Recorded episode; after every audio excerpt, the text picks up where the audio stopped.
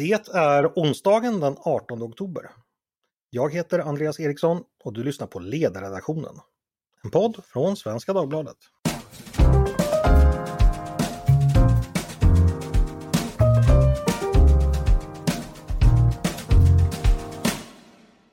Varmt välkomna! Hamas terrorattentat mot Israel förra helgen krävde över 1300 liv. Ett antal tusen personer skadades också och 200 personer kidnappades och hålls nu som gisslan. I samtliga dessa kategorier återfinns ett stort antal civila israeler. Israels svar har än så länge varit flygbombningar av Hamas basområde i Gaza. Men en markinvasion förväntas också inledas i närtid. I Gaza bor drygt 2 miljoner människor och de lever nära eller mitt bland de Hamas-styrkor och den infrastruktur som Israel just nu angriper. Vilket innebär att många civila skadas och dödas just nu. Vi har hört från ett stort antal håll, exempelvis från FN men också från hjälporganisationer och politiker, att Israel gör fel när de svarar på den här attacken. Att agerandet strider mot folkrätten och på ett icke acceptabelt sätt drabbar civila. Kritik mot Israels agerande har exempelvis kommit från Amnesty och Svenska Freds. Jag misstänker att det här är något som många med mig undrar över. Eh, hur fungerar egentligen folkrätten i en sån här situation? Hur får egentligen Israel försvara sig? Får man försvara sig överhuvudtaget? Vad får man göra respektive inte göra när man bekämpar terrorister? Och vilket ansvar har Hamas för att man använder civila områden för, som basområden för sina attacker? Det tänkte jag vi skulle borra djupare i idag.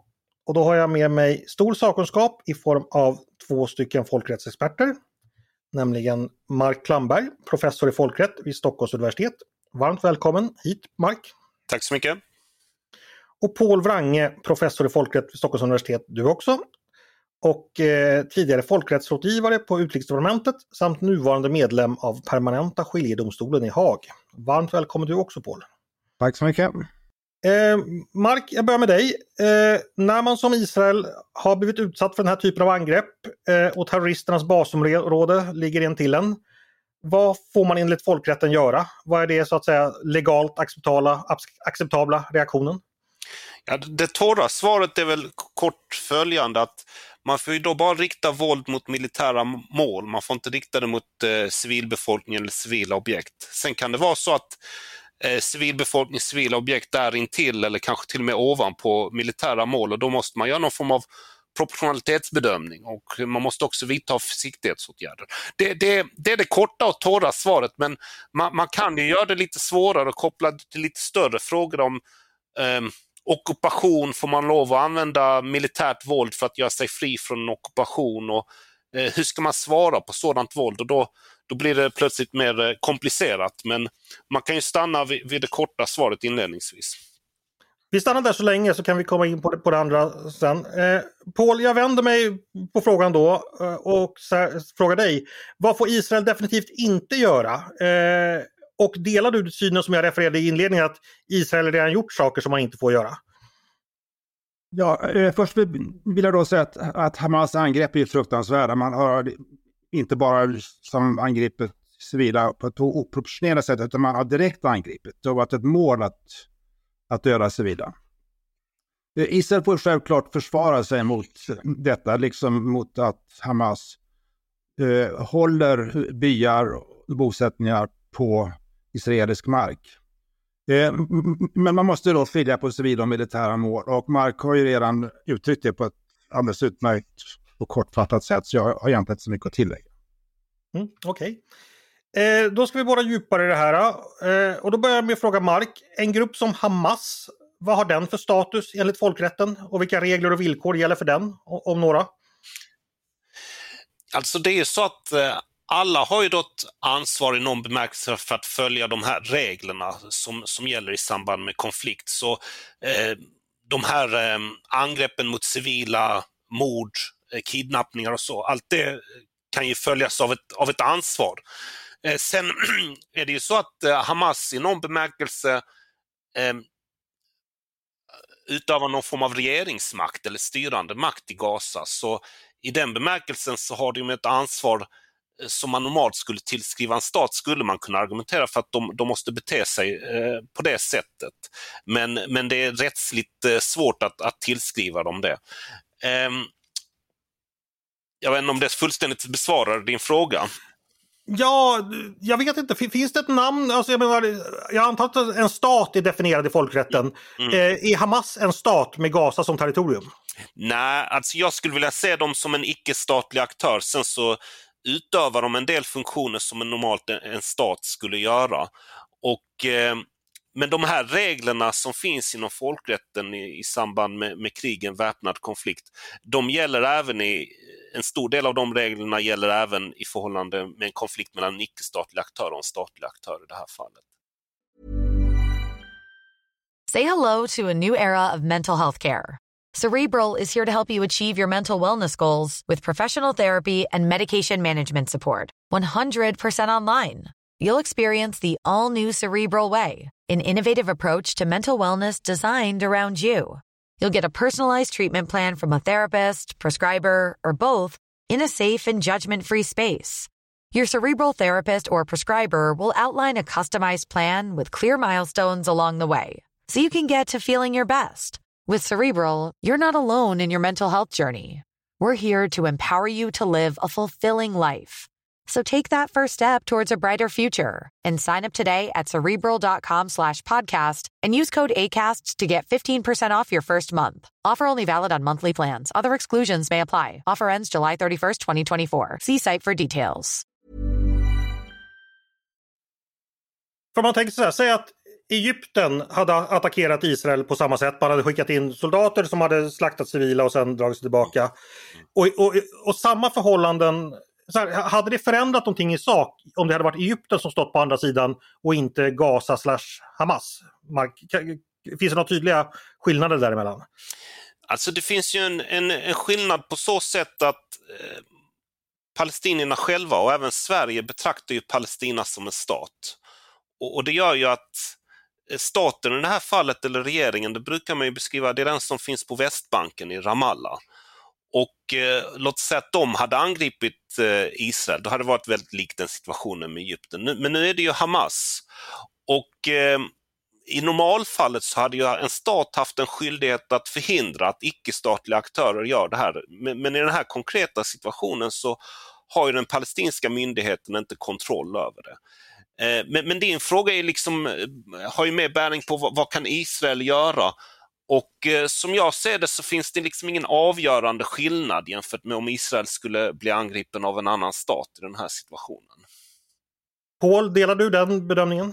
Ja, det instämmer jag, jag i. Alltså det, det, är väldigt svårt att analysera den här situationen i termer av, av stater, ockuperade områden eller icke-statliga grupper att bestämma vad Hamas ska vara. Men, men som Mark säger, vad, vad det gäller det som Israel får eller inte får göra så är det i stort sett eh, irrelevant hur Hamas ska betraktas i det här läget. Mm. En fråga till till dig Paul. Nu, nu har vi pratat om det här med, med eh, att man inte får agera på ett sätt mot civila eh, som är otillbörligt. Och det, det, förstår jag såklart. Men, men i Hamas fall, vad jag förstår, så är det inte helt alltid självklart vad som är det civila och vad som är det militära i det här sammanhanget. Och det har ju inträffat i konflikter tidigare. Exempelvis om eh, militär infrastruktur ligger i princip på samma ställe, i samma byggnad som där det bor civilister. Hur, ska Israel agera då? Hur, hur, när, när det är väldigt, väldigt blurrig gräns emellan helt enkelt? Alltså det är inte unikt just, just för Hamas utan det är så i, i många länder. Man tänker på det gamla svenska totalförsvaret som var uppbyggt på att hela, hela det civila samhället skulle, skulle hjälpa till i försvaret. Så det är inget konstigt att man så att säga blandar civila och militära funktioner. Men eh, man bör försöka hålla dem så åtskilda som möjligt i en krigssituation. Så man får inte använda civila som mänskliga sköldar, alltså att man medvetet grupperar i områden där det finns många civila. Ibland så kan det hända att man ändå måste gruppera sig i, i en stadsbebyggelse. Vi hade en motsvarande diskussion om, om Ukraina förra året när Amnesty gick ut och kritiserade Ukraina. Men om man ska försvara en stad, då måste man ju rimligen ha, ha trupper i den, i den staden. Men även om man försvarar sig, och det är den situationen som Hamas kommer att befinna sig i snart, så måste man ändå göra allt man kan för att skydda de civila, se till att, att få dem därifrån om det är möjligt, försöka att hitta platser eh, som inte är i närheten av, av, av civila. Det kan vara svårt mm. eftersom Gaza är väldigt tättbefolkat och så vitt jag förstår så är särskilt den norra delen mm. eh, tättbefolkad. När Hamas säger till folk att inte evakuera från stridszonen, det säger de till civilister, att stanna kvar, är det ett brott mot folkrätten? Ja, det skulle jag nog säga att det är. Mark, vill du kommentera det där någonting? Nej, alltså det, det som jag har funderat på det, det är kanske en sån eh, helt eh, orealistisk tanke. Det är ju att det, det är en väldigt svår situation med civilbefolkningen och Israel har ju slags legitima anspråk på att kunna skydda sin befolkning även med vapenmakt. Men samtidigt så måste man undvika då äh, utsätta civilbefolkningen för, för, för skador och död. Och, eh, och då har, är frågan det här om förflyttning och eh, Hamas som försvårar det. Och eh, ja, ja det, det, finns nog inte på kartan men, men ett alternativ som, så man skulle kunna överväga det om de eh, befinner sig på israeliskt territorium tillfälligt. Sen skulle det eh, skapa en mängd andra problem. Skulle den palestinska civilbefolkningen vilja det? Skulle Israel vilja det överhuvudtaget? Men det är i vart fall ett alternativ till att eh, till dagens situation där civilbefolkningen står trängda mellan Hamas och Israel. Mm. En annan fråga som diskuteras det, det är det här med att eh, Israel ska göra något fel när man, när man då avbryter strömförsörjningen till Gaza. Och Det har jag lite som utomstående svårt att förstå varför Israel har ett ansvar att försörja fiendens basområde med, med el. Eh, för mig låter det lite som att man skulle ställa krav på det allierade under andra världskriget att se till att olja och, och kol kommer fram till Ruhr så att den tyska krigsindustrin ska kunna, kunna gå för fullt. Eh, poängen med krig är väl att beröva sina fiender resurser. Var, varför måste Israel stå för elen till fienden? Eh, vem vill svara på det? Jag kan, jag kan besvara det. Ja, alltså att, att man står för elen till fienden beror helt enkelt på att, att Osloavtalen är upp, uppbyggda så och eh, Israel har inte heller gjort det särskilt lätt för eh, Gaza att själv ordna sin energiförsörjning. Eh, Ja, alltså Israel har ju en, en, en, rätt att stänga av all typ av försörjning till, eh, till krigsmakten, eh, Hamas styrkor. Men liksom vid all annan krigföring så, så måste man göra det proportionerligt. Och det blir ett väldigt stort civilt lidande. Och det är inte säkert att det blir särskilt stor militär nytta av att, att stänga av strömmen eller vattnet eller, eller några andra förnödenheter till gas. Så därför strider, strider det mot folkrätten. Okej, okay. och Osloavtalet, det är alltså det från 1993. Det är alltså fortfarande det som gäller. Det är det som reglerar relationen mellan Gaza och Israel. Kan man säga så? Det vet vi väl e- egentligen inte riktigt, men så vitt jag känner till så har ingen formellt sagt upp det. Eh, eh, okay. Palestinska myndigheten sa upp säkerhetssamarbetet år 2020, men jag tror att det har, har upptagits lite smått ändå. Men så vitt jag förstår så har ingen part sagt upp avtalet och och både palestinska myndigheten i Ramallah och Israel har ett intresse av att åtminstone vissa delar men däremot finns det väldigt goda grunder för båda parter att säga upp avtalet, inte minst för, för den palestinska sidan eftersom eh, Israel mer eller mindre har stoppat processen att överföra land till den palestinska myndigheten. Jag har en liknande fråga om, om, mat, för här anses också Israel eh, vara förpliktigad att se till att civilbefolkningen i Gaza försörjs med mat. För mig låter det ganska bisarrt. Alltså det är som om det skulle uppstå svält i Ryssland. Måste Ukraina då se till att hjälpsändningar passerar genom ukrainskt territorium för att, eh, för att Ryssland inte kan försörja sin, sin egen civilbefolkning? Eh, Mark, förstår du hur jag tänker? Att det framstår som lite att Israel har väldigt mytt ansvar här på ett sätt som jag inte riktigt kan förstå. Ja, alltså i en normal konflikt så skulle jag kunna förstå de synpunkterna, men det som är annorlunda här det är att Gaza är då utsatt för en blockad, så, så det finns inget sätt att få in mat och vatten på något annat sätt än att Israel eller Egypten eh, tillåter det. Och, och det gör att, att Israels eh, skyldigheter blir annorlunda jämfört med, för du har gjort liknelse med, med Ryssland och andra världskriget. Här är man i en annan situation. Alltså, lå, lå, låt oss ta andra världskriget och, och, vi har då i andra världskrigets slutskede de allierade har omringat då, eh, tyska städer och så vidare. Då menar jag att även i den situationen så hade de allierade liksom en, en skyldighet att förse civilbefolkningen med mat och vatten. Och, och det är samma som gäller här. Alltså även innan den tyska, det nazistiska styret i en stad kapitulerat så ska man alltså då medan man bekämpar den samtidigt skicka in mat och vatten till, till civilbefolkningen? Om, om den är belägrad under en längre tid skulle svaret vara ja. För jag menar, blockader och sånt där förekommer ju under andra världskriget. Hela strategin det var ju då att man försökte dels stoppa Tysklands försörjning över haven och Tyskland försökte stoppa. Att försätta någon i blockad, är det alltså en krigsåtgärd som inte är legitim längre? Har det, har det förändrats sedan världskrigen? Alltså man får ju ha en blockad, men, men man måste ju liksom väga den militära nyttan mot, mot eh, skadan på civilbefolkningen. Och eh, eh i, om, om vi tar eh, de andra exemplen som har så finns det ju andra möjligheter att, att, föra in mat men när det gäller Gaza så är de i en situation där det finns väldigt små möjligheter att försörja sig på något annat sätt än att mat och vatten kommer in från omvärlden. Okej, då ska vi gå vidare. Proportionalitet är ett begrepp som, som har dykt upp i diskussionerna här. Eh, alla förstår ju vad ordet betyder men kan man fylla det med lite mer mening? I, i praktiken, vad innebär det när blir Israels svar icke-proportionellt? Skulle du kunna hjälpa oss lite med det Paul? Hur man ska tänka där? Eller hur resonerar man som folk, folkrättsexpert där? Ja, det finns inga matematiska formler för det. Alltså det är, det är inte ens som att jämföra äpplen och päron utan som um, äpplen och Volvobilar eller någonting. Alltså två helt olika storheter. Det, det som ska eh, det som ska jämföras är å ena sidan den militära nyttan med en operation och det andra är då det civila, de civila skadorna. Så det handlar alltså inte om att, så att eh, mäta antalet döda på båda sidor. Tusen döda här, och då får det bli tusen döda där. Utan att man ska, som å ena sidan i vågskålen så ligger då den militära nyttan med en viss operation från till exempel israelisk sida. Och i den andra vågskålen så, så ligger då de förväntade skadorna på civila. Då måste det finnas en proportionalitet.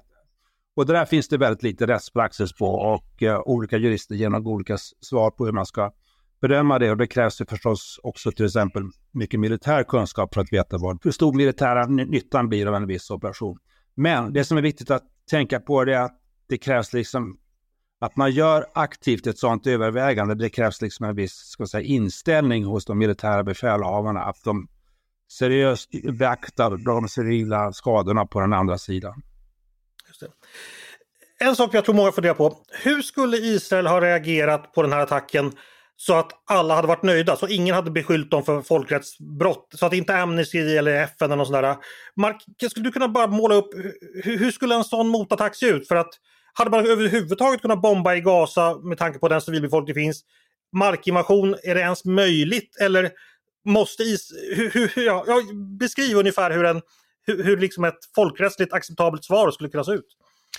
Alltså först av allt så, jag, jag, tror inte det finns någon, någon lösning eller svar där man skulle göra alla nöjda. Och, eh, även om man skulle fråga två, två vad ska man säga, seriösa folkrättsexperter skulle de kunna komma fram till olika slutsatser eller kunna bygga upp argument åt båda hållen. Med det sagt, jag ska besvara din fråga, eh, så eh, en markinvasion eh, skulle skapa stora förluster på båda sidor men en markinvasion i sig är tillåten, det, det kan man göra.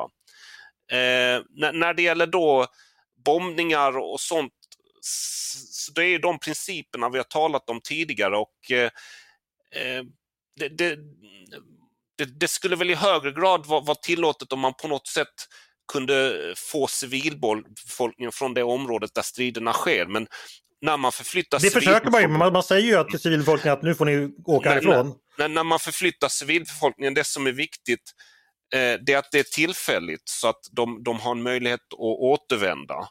Och eh, eh, så, så det, det, är sådana saker. Så jag, det, det jag ser framför mig så, som Israel skulle kunna göra som ändå skulle jag tror skulle accepteras av, av omvärlden, av, av, av stora flertalet bedömare, det är att man flyttar fram positionerna något förhindrar så att det sker ytterligare angrepp.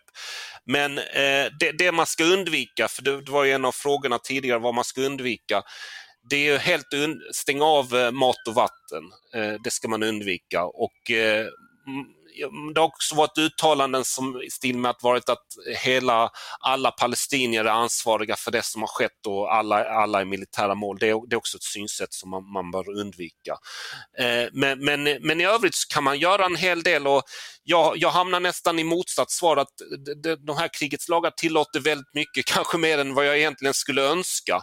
Så, så det är tillåtet att göra en hel del.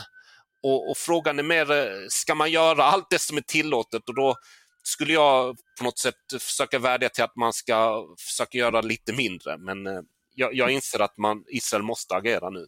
Men Mark, då skulle du få samma fråga som, som, som, inte du fick tidigare. Eh, tycker du att Israel under den här första, vad det har gått, tio dagarna har gjort fel? Eh, det är svårt att uttala mig om. Alltså man, man måste liksom se var, varje konkret eh, militär handling för, för, att kunna svara på den frågan. Så det, det, det är svårt att uttala mig om. Jag, eh, än så länge så har ju liksom den här eh, st stora israeliska offensiven inte skett. Så, så jag, jag, eh, det är fullt tänkbart att det har skett övergrepp, men jag, jag, man behöver diskutera varje, varje angrepp för sig. Mm. Eh, Paul, vill du lägga till någonting där kring liksom hur Israel ska agera på ett sätt som ändå liksom av den majoriteten.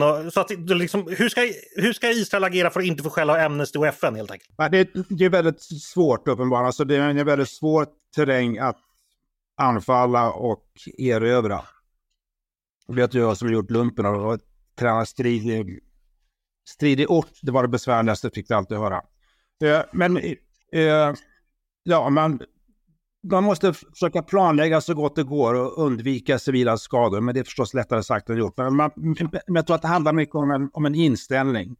Och operationen får helt enkelt ta den tid det tar. Och, och, och man gör det eh, noggrant och på rätt sätt.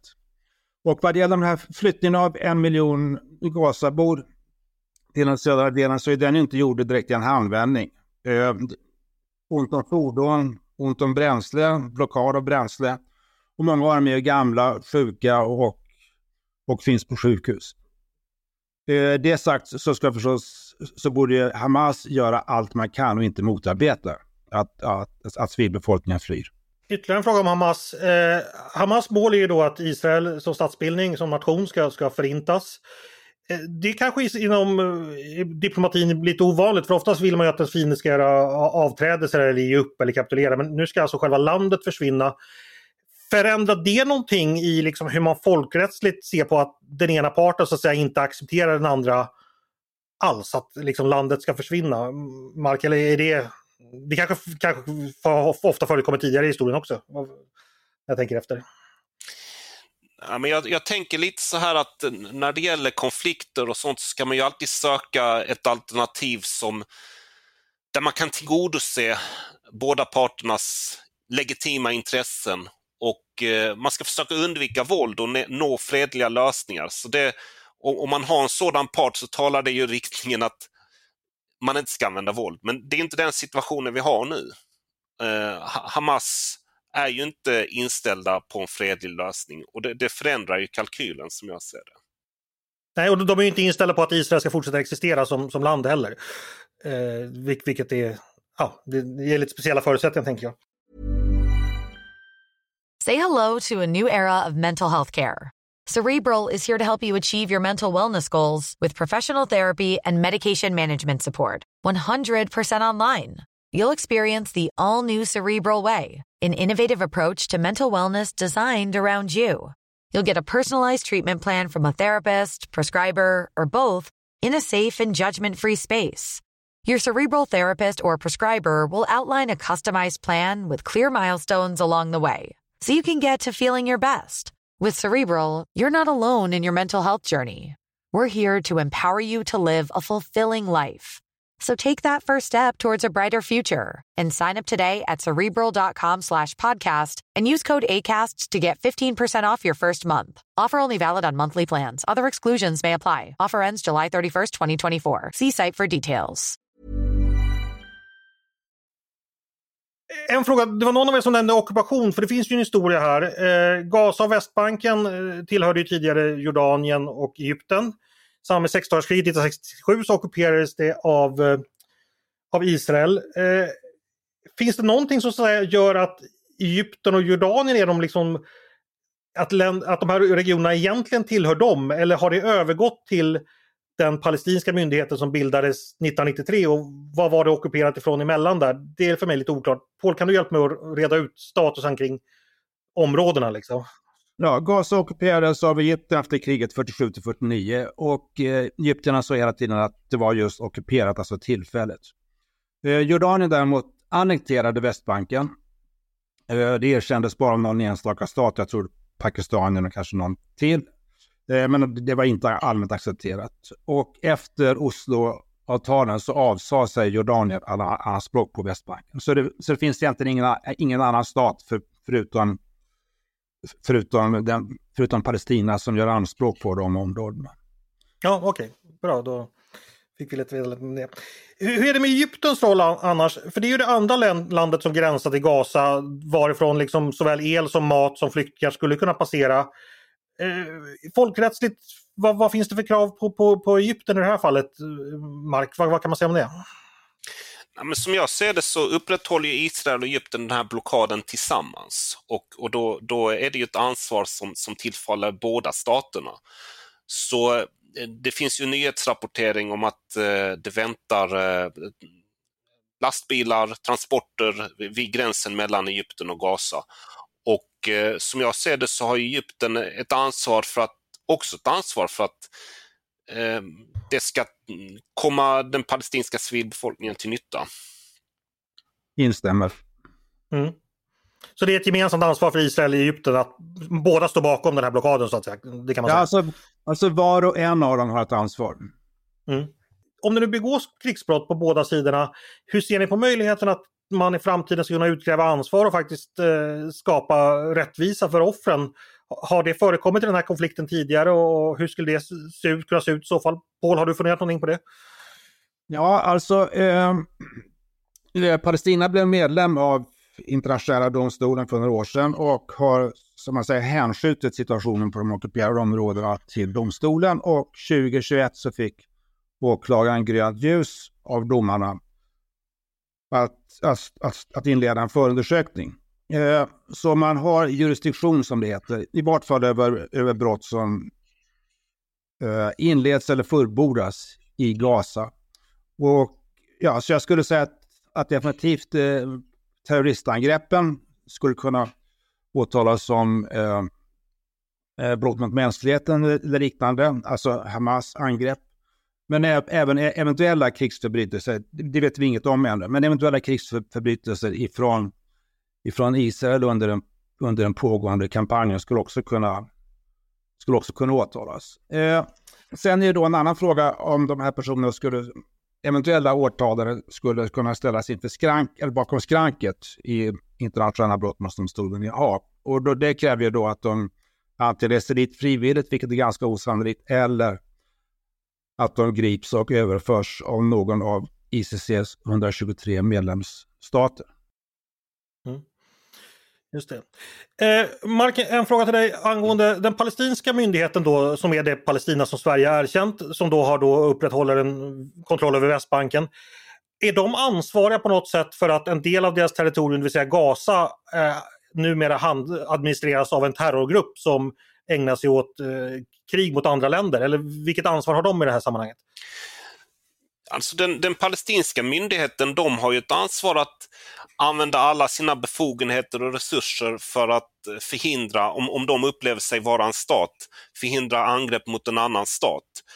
Eh, och eh, jag uppfattar att den palestinska myndigheten i vissa delar, kanske vissa skulle säga till stora delar, erkänner att de har det. Jag uppfattar att den palestinska myndigheten har sagt att de vi pratade tidigare om internationella brottmålsdomstolen ICC, så den palestinska myndigheten har ju sagt att de är beredda att samarbeta med domstolen. Och det, det rimliga kravet eller förväntan det är ju att det behöv, behöver ju då gälla både israeliska förbrytelser och, och förbrytelser av, av Hamas. Mm. Borde den palestinska myndigheten, ha någon sorts ansvar att med våld försöka överta makten i Gaza för att inte Gaza ska styras. Tänk exempelvis om, om Gotland skulle bli då, tas över av en terroristcell, då skulle många säga att svenska myndigheter då har ansvar att eh, rensa upp det. Finns det något motsvarande? Skulle man kunna säga att palestinska myndigheten helt enkelt borde gå in och rensa upp Gaza så att det inte längre styrs av terrorister? Jag förstår att det är naivt tänkt, men skulle man rent principiellt kunna resonera så? Vad, vad säger ni? Ja, det är inte ett helt omöjligt resonemang i alla fall. Och om det är så att, eh, att, att det som sker på Gaza hotar andra länder, och det är ett faktum att det är så, då, då har ju staterna en skyldighet att se till att dess territorium inte används för angrepp på andra länder. Men den andra delen är då att, att det måste också vara liksom ett rimligt krav att, att eh, i det här fallet Palestina har en möjlighet, eller regeringen på, på Västbanken har en möjlighet att, att genomföra det.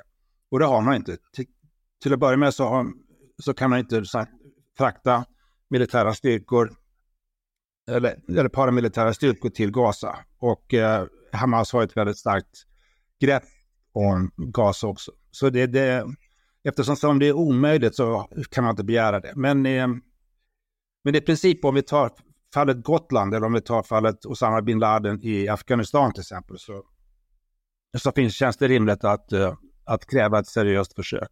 Ja, hörni, vi ska försöka sy ihop säcken. Det, det, är några saker, jag vet inte om det här riktigt ingår i er, er expertis, men, men det här med att Sverige erkände Palestina 2014 eh, det, det, ja, det rådde ju politisk oenighet om det, men den dåvarande regeringen gjorde det i alla fall. Den nuvarande säger att det var fel, men man kommer inte ändra på det.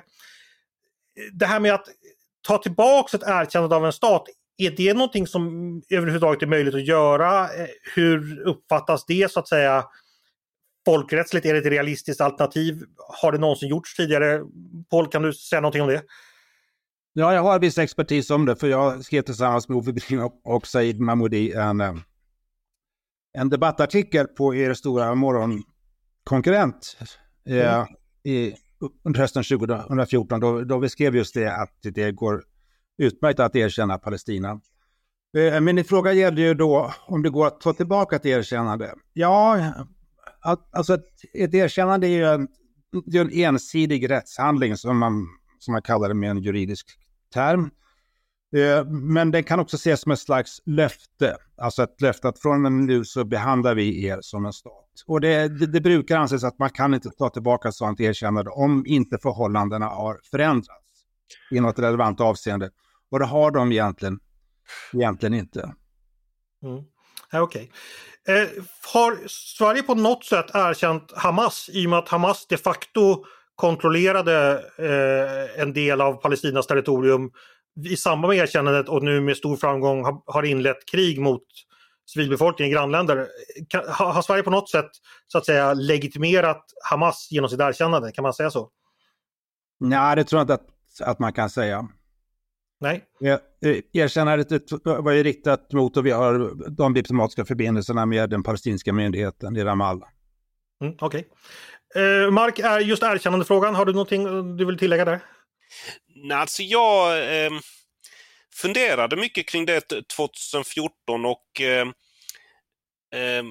det, det, som eh, Ove, Said och Paul skrev, de, de utgick liksom från, från tidigare praxis där vi hade erkänt Kroatien 1990-talet. För, för, vad det handlade om, det, när man gör erkännande så, så ska det då vara vad, vad stater då? Vad är då, vad är då en stat? Ja, det ska finnas ett territorium, det ska finnas en befolkning och en regering som utövar eh, kontroll. Och eh, så Sveriges resonemang och det, det som artikeln utgick från, det var ju att man, man, kan erkänna stater även när man har en regering som saknar kontroll, när det beror på omständigheter som man själv inte Eh, kontrollerar. Alltså man, till exempel att en annan stat stör då utövandet. Och det, det resonemanget, jag, jag tycker det är ett rimligt resonemang i sig. Det som jag tänkte lite annorlunda då 2014 när, när Sverige gjorde det här erkännandet var att när Sverige erkände Kroatien och när man erkände Kosovo, det var att i båda de fallen så fanns det ju en regeringsmakt i någon bemärkelse. Det, det, som var problemet 2014 det var ju att man hade ju två styren, alltså ett på, på Västbanken och ett i Gaza. Och eh, jag, jag, tänkte så här att det här med erkännande, det, man, man, har ingen skyldighet att göra det utan det är en politisk bedömning av vad som är lämpligt eller inte. Och jag, jag, då tänkte jag så här att man kanske kunde ha begärt mera från palestinierna innan man erkände dem. Att, eh, till exempel att, att, Hamas på något sätt skulle underkasta sig den palestinska myndigheten innan man erkände dem. Och, så det var så jag tänkte 2014. Sen ska jag erkänna att min, mina tankar kring det har fluktuerat. När, när Trump kom till makten och gjorde en antal eh, interventioner i den här konflikten så började jag fundera mer i banor som, som, som Sverige har gjort och som mina kollegor har gjort, att eh, det, man kanske borde erkänna Palestina. Så mina tankar kring det har gått lite fram och tillbaka om jag ska vara ärlig. Men, men, men gjort är ju gjort, alltså man gjorde ju den, bedöm den politiska bedömningen 2014 och så att säga, det, det är ju gjort. Ja, hörni, jag har försökt ställa de frågor som jag har, eh, men jag är ju en dum icke-jurist. Är det någonting ni skulle vilja lyfta ytterligare som ni tycker är viktigt att ha i huvudet här eh, när man tänker folkrätt och konflikten och läget just nu som mina frågor så att säga inte har fångat? Eh, Paul, vill du eh, lägga till någonting eller föra något ytterligare resonemang? Ja, alltså i det vi, vi ser nu så kan man säga att, eh, att Hamas är hittills den stora skurken. Men, men Israel har en en skyldighet att försöka undvika civila offer så gott det går. Jag är inte helt säker på att de kommer att göra det, men de har den skyldigheten i alla fall. Men vi får inte heller glömma det som den övergripande situationen med ockupationen som, som borde upphöra snarast och som enligt min och flera andras uppfattning är, är olaglig. Och då tar det framförallt om Västbanken. Förhållandena på Gaza, men Gaza, är väl inte, Gaza är väl inte ockuperat av Israel? Ja, alltså, ja man kan ha olika uppfattningar om det. De har, in, de har inga inga stövlar på marken så att säga, men de kontrollerar i stort sett alla tillfarter, inklusive luften. Jo, men det är väl för att det är ett fientligt territorium som, som är i krig med Israel, det är väl därför man gör det. Det är väl inte så att man åker... Eller jag vet inte, men så trodde jag ja, det alltså var. Man, alltså man har en säkerhetsbedömning bakom det såklart, men det, ja. är ett faktum att man kontrollerar väldigt mycket av av, av Gaza, av livet i, i Gaza. Så man, så man skulle kunna argumentera för att det fortfarande är ockuperat. Men, men hur som helst, eh, ockupationen på, eh, på Västbanken och östra Jerusalem bör upphöra snarast möjligt. Men det, mm. det kommer tyvärr inte att ske. Okej, okay. eh, samma fråga till dig Mark. Är det någonting ytterligare du tycker det är viktigt att behålla i huvudet här? Alltså det är ju fruktansvärda brott som Hamas har gjort och eh, eh, man kunde ha någonstans kunde man ha förstått att det här är vad de har velat göra men de inte har kunnat göra men nu har det visat sig att de, de kunde göra det också. Och så, så, så, det behövs någon form av svar. Men jag, jag tycker det är viktigt att man, man har, har en dubbel strategi. Så, så Israel behöver ge ett, ett bestämt svar gentemot Hamas. Men sen måste man också på något sätt erbjuda det palestinska folket en, en väg ut ur det här. Och Ehm, allt är inte perfekt med den palestinska myndigheten på Västbanken. Abbas är inte den perfekta ledaren men det är ändå en person som jag bedömer att Israel kan arbeta med. Och, eh, så man, man, måste på något sätt kunna erbjuda palestinierna en väg ut ur det här och visa att om man inte väljer våld så, så kan palestinierna ha en framtid med, med, en självständig stat. En fungerande, en fungerande stat. Så, så jag, det, det, det, är ingenting som är lätt att säga nu men, men jag tycker man måste tänka framåt att man måste jobba med en, med en dubbel strategi med, med en hård hand mot Hamas men också erbjuda palestinierna en väg ut ur det här. Mm. Jag måste bara ställa en fråga till Paul angående det här med Gaza. Säg att Israel inte hade kontrollerat Gazas gränser utan man hade kunnat föra in eh, fritt vapen då, alltså Iran hade kunnat förstärka. Eh, då hade ju våldet som Hamas utövar mot Israel blivit ännu större. Eh, kan man verkligen argumentera för att Israel skulle ha handlat så? Är det riktigt rättvist? Alltså i en krigssituation så får man införa en blockad, men man måste i så fall släppa igenom civila förnödenheter. Jo, men du sa ju att ockupationen, att, att du definierade ockupationen så att, att man kontrollerade in och utgångar. Behöver man inte göra det av ett ter territorium som liksom bedriver ett förintelsekrig med det uttalade målet att du som stat inte längre ska existera? Tänker jag i alla fall. Ja, jo, men alltså en fråga är ju om det är en ockupation eller inte. Ja. Vad den ägnar hur, ja. Eh, ja, eh, att besvara. Och en annan fråga är, är, är, är ockupationen i så fall eh, berättigad eller inte? Ja, och det är klart att Israel, Israel har såklart legitima säkerhetsintressen att, att hindra att, att Iran eh, beväpnar, beväpnar Hamas ytterligare med, med olika förintelsevapen. Det är fullt mm. förståeligt. Men man måste då i så fall göra det på ett sådant sätt så att civila förnödenheter och det civila livet så långt möjligt ändå kan fortsätta i Gaza och att det kan utvecklas Mm. Ja, det, det, förstår jag absolut. Det var bara det att jag uppfattade det som att det var en entydig eh, att blockaden i sig eh, inte är ett rimligt, men då förstår vi varandra på ett annat sätt helt enkelt. Bra, då tycker jag jag har fått jättemånga bra svar på mina frågor. Jag känner mig eh, bättre, bättre rustad att ta mig ta mig fram, ta, ta mig fram i nyhetsflödet. Stort tack eh, Paul Wrange och eh, Mark Klamberg för att ni kom till podden och eh, pratade med mig. Tack också till er som har lyssnat på dagens avsnitt av Ledarredaktionen. En podd från Svenska Dagbladet. Ni är varmt välkomna att höra av er till redaktionen med tankar och synpunkter på det vi precis diskuterat idag. Men också om ni har förslag och idéer på ämnen vi borde ta upp i framtiden. Det är bara att mejla till ledarsidan snabel svd.se. Dagens producent, han heter Jesper Sandström. Själv heter jag Andreas Eriksson och jag hoppas att vi hörs snart igen.